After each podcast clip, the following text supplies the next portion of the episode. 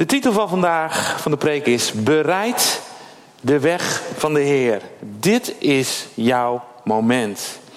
En daar wil ik het vanochtend met jullie over hebben. En ik wil gewoon naar een moment ook even bij stilstaan. Dit is jouw moment. Dit is het moment dat je leeft. Dit is het moment dat je, er, ja, dat je hier bent. Dat je daar zit, misschien op een bank of misschien zit je hier vanmorgen in de zaal.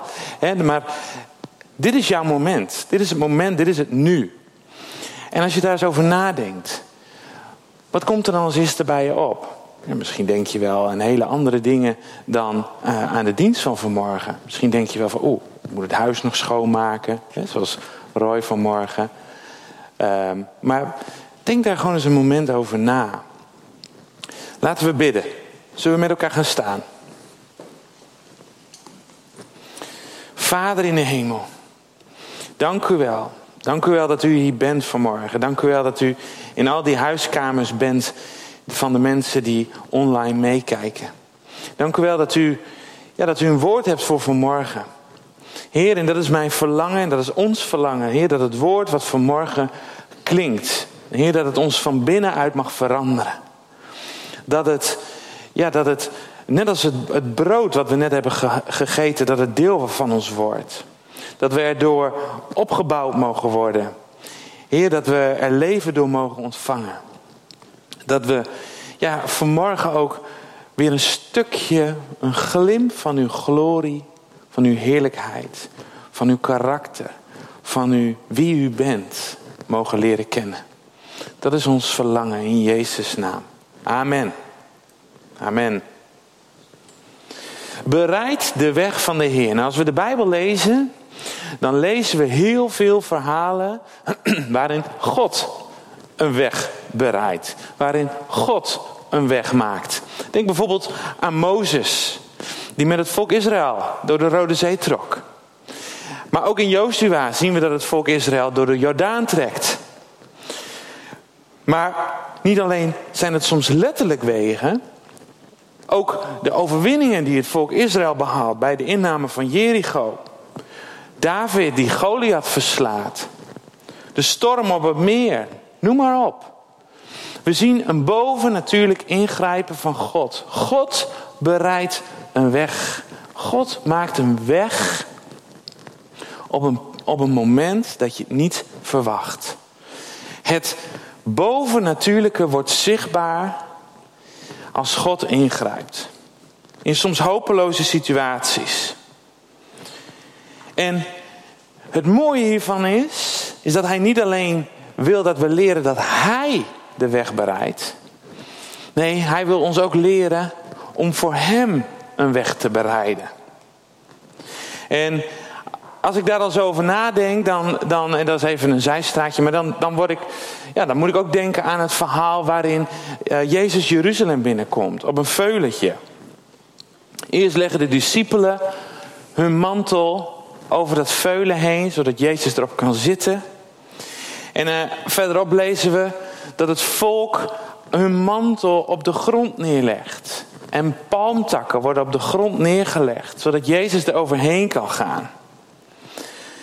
Hier wordt letterlijk een weg bereid voor Jezus om overheen te gaan.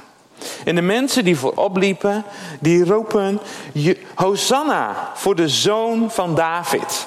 Gezegend hij die komt in de naam van de Heer. Hosanna in de hemel. We zien hier letterlijk hoe een weg wordt bereid voor Jezus. En als je dit zo leest, dan, dan is dat voor het volk Israël volkomen duidelijk wat hier gebeurt. Want anders hadden ze deze woorden nooit gezongen.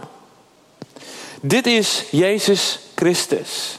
Die wordt erkend en herkend als de Messias, de Zoon van God. Uit het geslacht van David. Alleen dacht het volk dat Jezus hen zou bevrijden van de Romeinse bezetter in die tijd. Maar God had een ander plan. Gods plan was om de wereld te bevrijden van de zonde en de dood.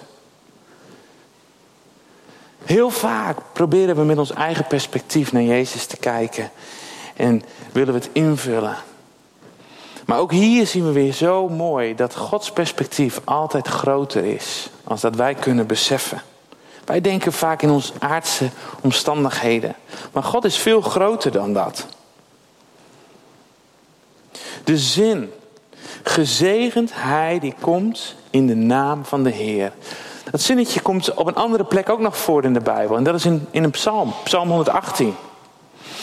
En we noemen dit een Messiaanse psalm. Waar ook in genoemd wordt dat de steen die de bouwers afkeurden, is de hoeksteen geworden. Ook een bekende tekst. En het verwijst naar de komst van het Messiaanse koninkrijk. En in de Joodse traditie, in de Joodse cultuur, wordt deze psalm alleen gezongen op hele bijzondere gelegenheden. Ze zongen dit bijvoorbeeld tijdens het voltooien van het fundament in Ezra, het fundament van de bouw van de tempel, of de inwijding van de tempel. En als we Lucas 19 lezen, dan, dan lijkt het erop alsof Jezus aangeeft dat deze psalm opnieuw gezongen zal worden bij zijn wederkomst. En het is de laatste psalm die Jezus zingt met zijn discipelen bij het laatste avondmaal. Het is een bijzondere psalm. Dat avondmaal wat we net met elkaar gevierd hebben, maar wat we ook tot op de dag van vandaag blijven vieren. En het feest wat we al duizenden jaren vieren. Zo bijzonder. En we zien hier dat de weg die Jezus moest gaan in zijn lijden werd voorbereid.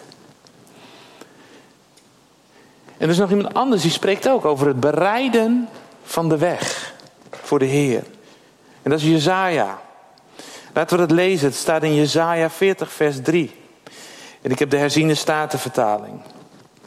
Een stem van iemand die roept in de woestijn. Bereid de weg van de Heere. Maak recht in de wildernis een gebaande weg voor onze God. Nou, als we even terugblikken naar mijn vorige preken. In mijn vorige preek had ik het over de bergreden. De bergreden die staat in Matthäus 5. En dat is een van de bekendste Bijbelverhalen waarin Jezus onszelf onderwijst. En ja, er worden zaken in benoemd als loop een extra mijl. Of heb je vijanden lief. Verzet je niet tegen wie je kwaad doen. Allemaal dingen waarvan wij weten dat dat uit eigen kracht niet te doen is. En dat is precies wat Jezus wil. Jezus wil dat we erkennen dat we het niet uit eigen kracht kunnen. Want op het moment dat wij zwak zijn, is Hij sterk. En als we die houding hebben, die nederige houding van Heer, ik kan het niet uit eigen kracht. Ik heb uw kracht nodig, Heilige Geest. Kom in mijn leven. Dan worden we dat zout en dat licht voor deze wereld. Dat zout, dat zorgt ervoor dat dat, dat, dat woord, dat dat voedsel lekker smaakt. Zodat mensen het ook kunnen eten. He, waarin je bijvoorbeeld kunt zeggen van, nou, jij hebt misschien een kleine splinter in je oog. Ik, heb, ik had een balk in mijn oog. Het voedsel zo op smaak maken dat mensen het kunnen eten. Dat is wat de Heilige Geest door ons heen wil doen. En het licht, wat zichtbaar wordt op plekken waar het nu nog duister is. En ook dat kwam in de bid stond zo mooi naar voren. Dat op het moment dat, dat God ergens met zijn licht komt, is de duisternis verdwenen. Dat is zoals het werkt. En Matthäus, Matthäus was een van die twaalf discipelen. En hij was een Jood. En dat lees je ook tussen de regels door.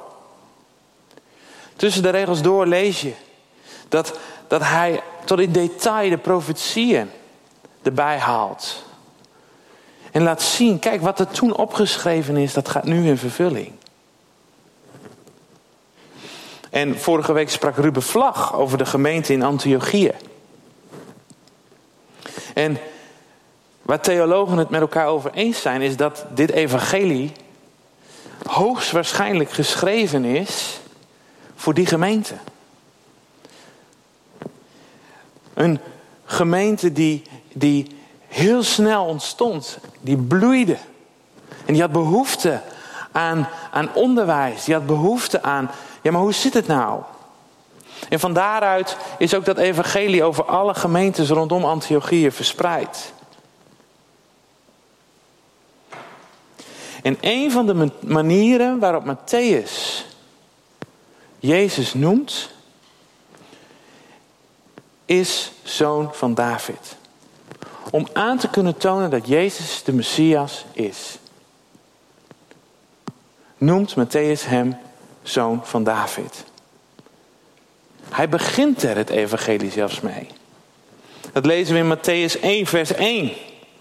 Waarin staat overzicht van de afstammeling van Jezus Christus, zoon van David, zoon van Abraham. En waar Lucas in zijn overzicht vanaf Adam begint, vermeldt Matthäus David. En daarna noemt hij Abraham. En dit was voor hem belangrijk. Want hij noemt dit nog negen keer op een ander moment ook in datzelfde evangelie. En hij zet hiermee heel duidelijk neer dat het Jezus is die de rechtmatige aanspraak kan maken op de troon van David. zoals we dat lezen in Samuel, waarin over David geprofiteerd wordt, over de onwankelbare troon.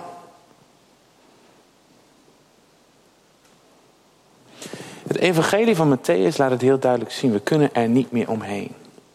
Dit is Jezus. Dit is de Messias. Dit is de Christus. Dit is Jezus. Hij zegt hier eigenlijk mee, weet je, als je het nu nog niet ziet, dan wil je het ook gewoon niet zien. Dat is eigenlijk wat hij hier zegt. Zo duidelijk is het. Zo duidelijk is het dat Jezus de Messias is. Hij is de zoon van David. Hij is de rechtmatige koning. En als je die geslachtslijn verder doorleest, dan vallen er nog een aantal dingen meer op. Er worden vrouwen ingenoemd. Iets wat hoogst ongebruikelijk was in die tijd. We lezen bijvoorbeeld over Tamar, over Ragab, Rut, de vrouw van Uria. Dat is Bathseba. Heel veel mensen worden er in deze geslachtslijn genoemd die er, op zijn zacht gezegd, een potje van gemaakt hebben in hun leven. Het is een, het is een lijn, als je hem terugleest, het is een lijn die bestaat uit mannen, vrouwen, joden, heidenen, hoeren, overspeligen.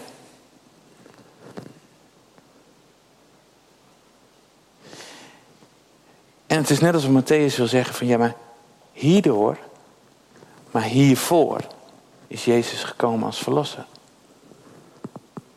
Hiervoor en hierdoor is Jezus gekomen als verlosser naar deze wereld. En we hadden het er net al over. Wat een genade. Dat God ervoor kiest om het op deze manier te doen. Om het op deze manier te doen. Dat dat de kracht is van God. Dat dat de manier is waarom, waarop God zijn grote reddingsplan in deze wereld brengt. En niets of niemand, geen zonde, geen, geen haat, geen, geen niets kan Jezus tegenhouden. Niets. Gods liefde is altijd groter. Altijd. En dat is wat Matthäus ons wil laten zien. Dat is wat Matthäus ons wil laten zien. Dit is Jezus Christus, de zoon van David.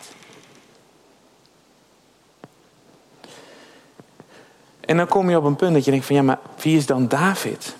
Nou, David is natuurlijk, we kennen David. Hij is de zoon van Isaïe. Hij is een herdersjongen. Hij is uitgekozen om de koning van Israël te worden. En we lezen aan het begin, hij is door niemand gezien. Hij wordt door niemand erkend.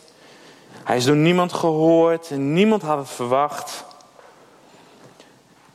Conform de wet kon het ook helemaal niet dat hij koning werd. Want koningen die kwamen uit de stam van Benjamin. En David kwam uit de stam van Juda. Hij was geen adel. Hij was een herder. Maar ja, er waren duizenden mensen herder in die tijd. En dan wordt hij door Samuel gezalfd en dan denk je van nou, nu gaat het gebeuren. Maar nee, hij moest gewoon weer aan het werk. Gewoon weer terug naar de schapen. Maar daar gebeuren bijzondere dingen. Daar moet hij vechten met beren. Daar moet hij vechten met leeuwen. Daar leert hij God aanbidden.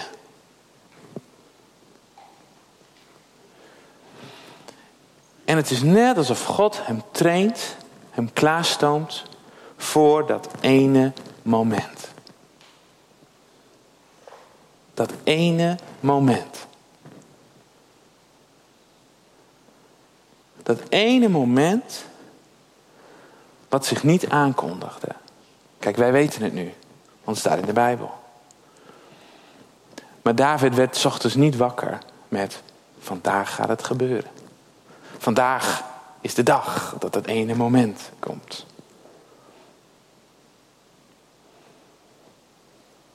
Hij moest van zijn vader naar zijn broers op het slagveld.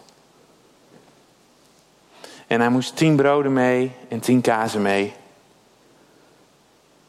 En die moest hij daar afleveren.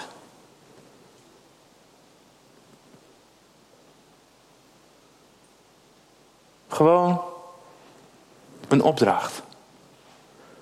Een simpele opdracht. En ik kan me zo voorstellen dat David dacht van nou, prima hoor, ik moet het weer oplossen, ik breng het wel heen. Tien broden en tien kazen. Hij had een Nederlander kunnen zijn hè, tien kazen. Ja toch? En dan bindt hij de strijd aan met Goliath. En hij verslaat hem met een slinger. Maar wat David doet, is hij is gewoon gehoorzaam. Hij is in de eerste plaats gehoorzaam aan zijn vader, die hem een opdracht geeft om te doen. Hij is gehoorzaam. Hij is gehoorzaam.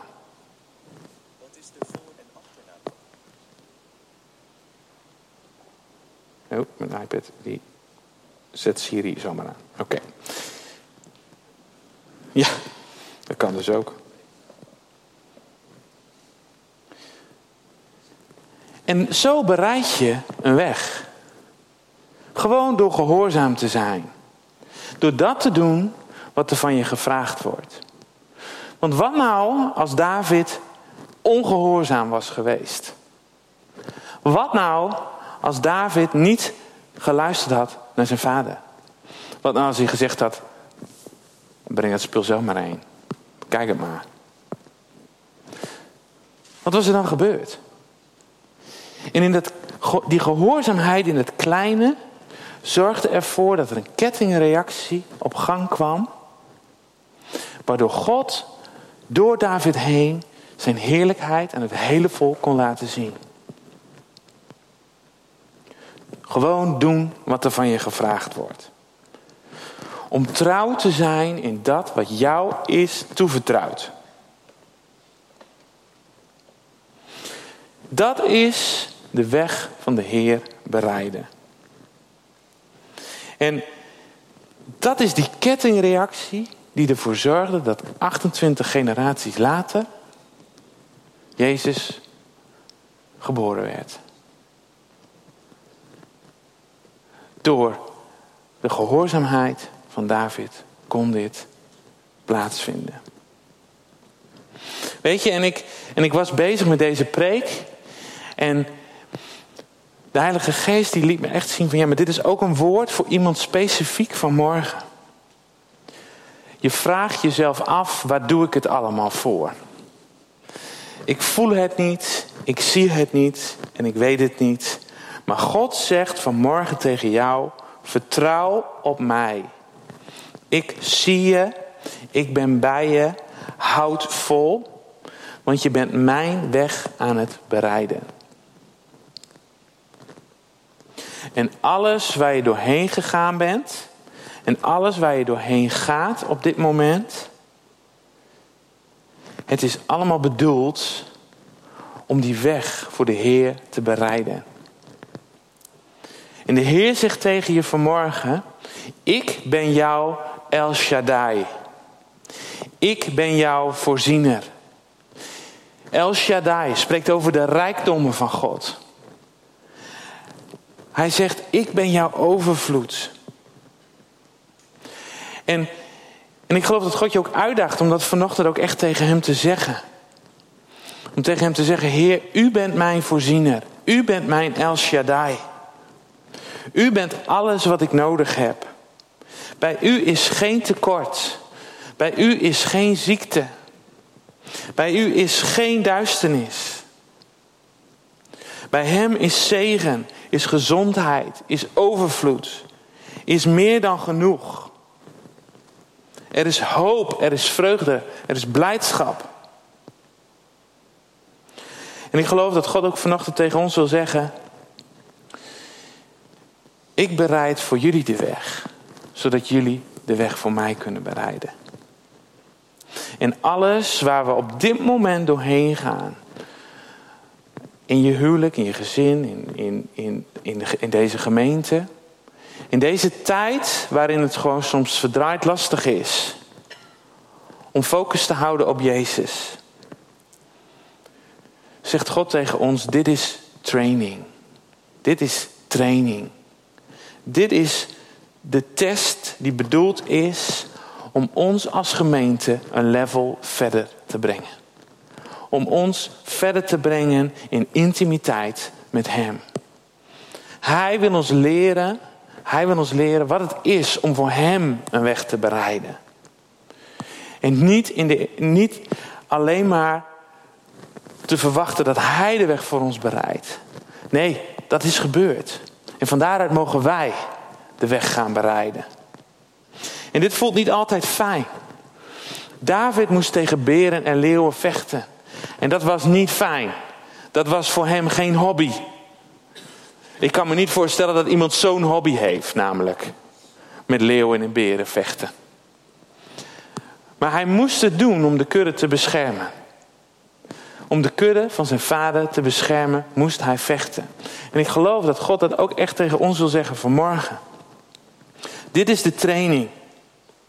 Dit is de tijd waarin wij nu zitten. En de vraag is, hoe ga je hiermee om? Hoe pak je dit op? Ga je proberen om er met een omweg onderuit te komen? Of zeg je nee, Heer, niet vandaag.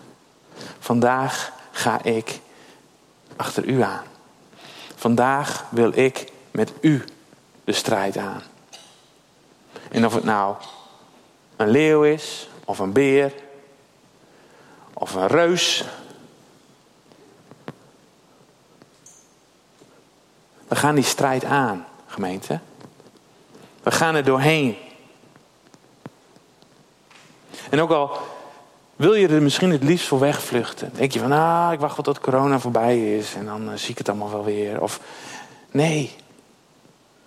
God wil dat we die strijd aangaan. En dit is ook wat God tegen ons zei toen we vorig jaar bezig waren met, met de lange termijn visie. Ik wil dat jullie doorgaan. Ik wil dat jullie koers houden. Weet je, door alles wat er om je heen gebeurt, kun je heel makkelijk zeggen van, nou, we moeten dingen bijstellen, we moeten dingen aanpassen, we moeten misschien wel koers veranderen. Maar dat is niet wat God wil. God heeft een plan. God heeft een plan voor jouw leven. God heeft een plan voor deze gemeente. En hij zegt, ga door. Houd koers. Houd moed. Houd koers. En we gaan door. We gaan door met bidstonden. We gaan door met aanbidding. We gaan door met diensten. We gaan door. We gaan door met adventprojecten, zolang het nodig is. We gaan door met paasprojecten, zolang dat nodig is.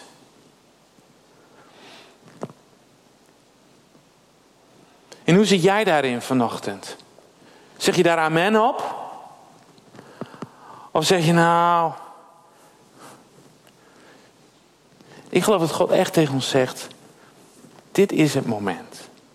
Dit is jouw moment. Dit is ons moment. Om op te staan.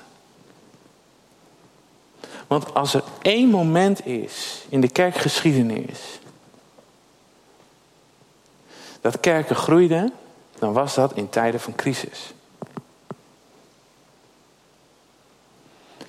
In tijden van crisis groeide de kerk.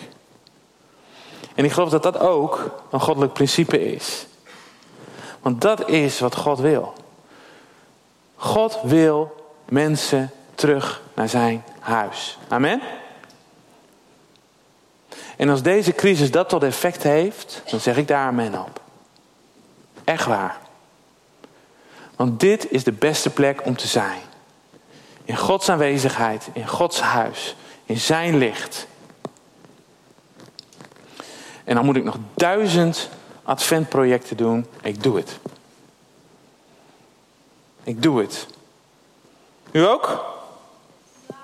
Mooi. Super. En er zijn mensen die maken zich zorgen over de gemeente. Die maken zich zorgen over de gemeente. Weet je, het is Gods gemeente. Het is Gods gemeente. En God zegt, hoe meer strijd, hoe meer verdrukking, hoe meer gedoe, hoe sterker de kerk wordt. Want de eeuwen achter ons laten dat zien. Hoe groter de verdrukking, hoe groter de kerk.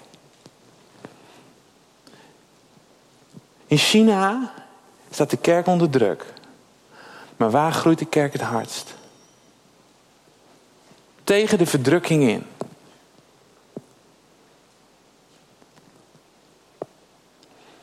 De kerk is ontstaan in een tijd van crisis, in een tijd van verdrukking.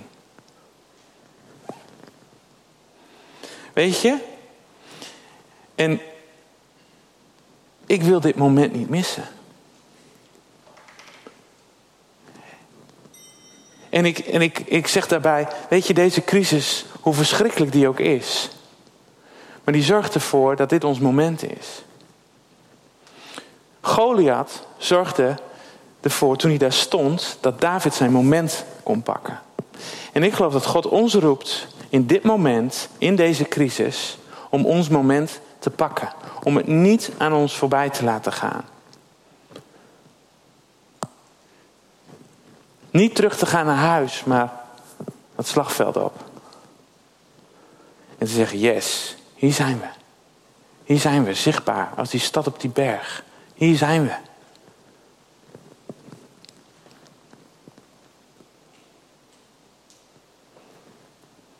Ja, maar Chris, we zitten in een lockdown. We zitten in een lockdown. We kunnen niks. Je kan van alles doen. Je kan een wandeling maken met iemand.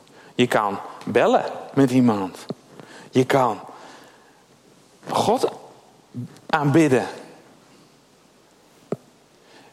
God aanbidden is een sleutel in deze tijd. God aanbidden is een sleutel van overwinning in deze tijd. Als je, als je gevoelens hebt van somberheid, als je gevoelens hebt van, van ik ben down of depressief, dan zeg ik vanmorgen tegen je: ga God aanbidden. Zet muziek op in je huis. Hard. En ga God aanbidden met alles wat in je is. En ik geloof dat dat echt zo belangrijk is dat we als kerk, als gemeente, dat we dat blijven doen.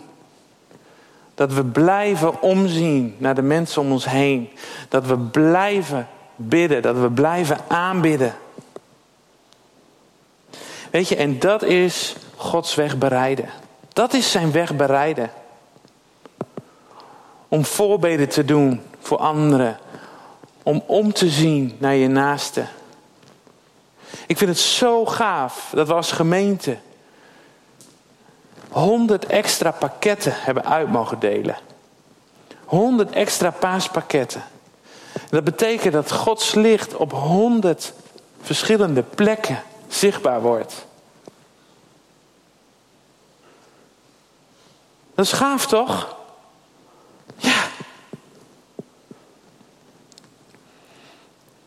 En ik geloof ook echt dat wij de, een gemeente kunnen zijn die zegt het kan wel. Dat wij een gemeente kunnen zijn die zegt het kan wel. Het kan wel. We kunnen wel God dienen. We kunnen wel God aanbidden. We kunnen wel Gods licht verspreiden. Het kan wel. We zijn niet gericht op wat er allemaal niet kan, maar we zijn gericht op wat er wel kan. En ik geloof dat zo de weg van de Heer bereid wordt. Dat als Hij straks terugkomt op de wolken, dat wij kunnen zeggen, Hosanna. Hosanna, gezegend Hij die komt in de naam van de Heer. Amen.